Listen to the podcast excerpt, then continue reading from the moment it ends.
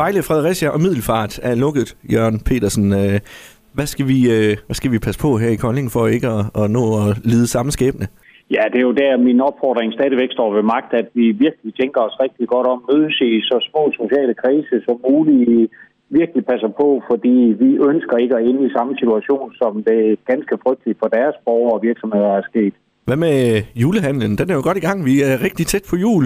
Ja, og der kan jeg jo stå lige nu og kigge ud i gågaden og heldigvis konstatere, at folk er ude af juleshoppe, at det gør de alligevel. Og de kan også stadigvæk gå på café øh, og passe på hinanden og få den her juleøl, eller hvad de nu plejer at have traditioner.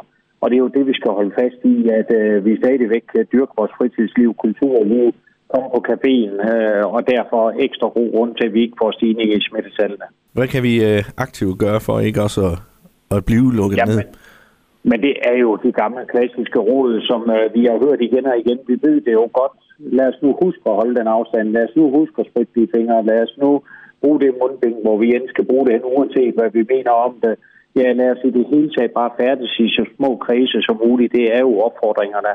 Øh, og dem er vi dødtrætte af at høre og især at gennemføre. Men det er det, der skal til, for at vi ikke også bliver lukket ned.